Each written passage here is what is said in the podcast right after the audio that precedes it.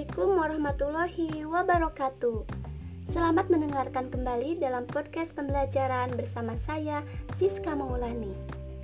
Kali ini kita akan membahas tentang pertumbuhan dan perkembangan tumbuhan. Setelah mendengarkan podcast ini, diharapkan kamu dapat menjelaskan cara pertumbuhan dan perkembangan tumbuhan. Dapat kita ketahui, tumbuhan memiliki banyak manfaat bagi kehidupan manusia, Kegiatan menjaga dan melestarikan tumbuhan sama dengan menjaga alam sekitar. Salah satu kegiatan menjaga alam yang bisa kita lakukan adalah merawat tumbuhan. Jumlah tumbuhan meningkat karena berkembang biak. Perkembangbiakan tumbuhan dapat terjadi secara alami dan dengan bantuan manusia. Tanaman sama dengan makhluk hidup lainnya yang mengalami pertumbuhan. Tanaman pun memiliki daur hidup dan cara yang berbeda dalam perkembangbiakannya.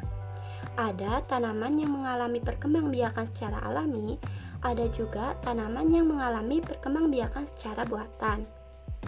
Perkembangbiakan alami dapat dengan biji, tunas, umbi, dan juga spora. Contoh tumbuhan yang berkembang biak alami dengan biji adalah pohon mangga, jeruk, semangka, dan sebagainya.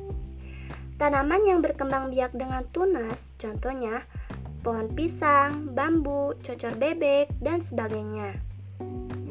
Selain mengalami perkembangbiakan secara alami, tumbuhan juga mengalami perkembangbiakan secara buatan.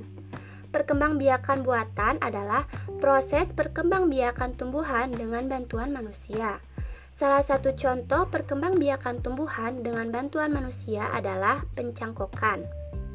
Nah, dapat kita simpulkan bahwa tanaman mengalami perkembangbiakan secara alami dan secara buatan.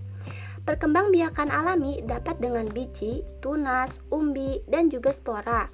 Kemudian, perkembangbiakan buatan dengan bantuan manusia, salah satunya pencangkokan. Demikian pembahasan mengenai pertumbuhan dan perkembangan tumbuhan.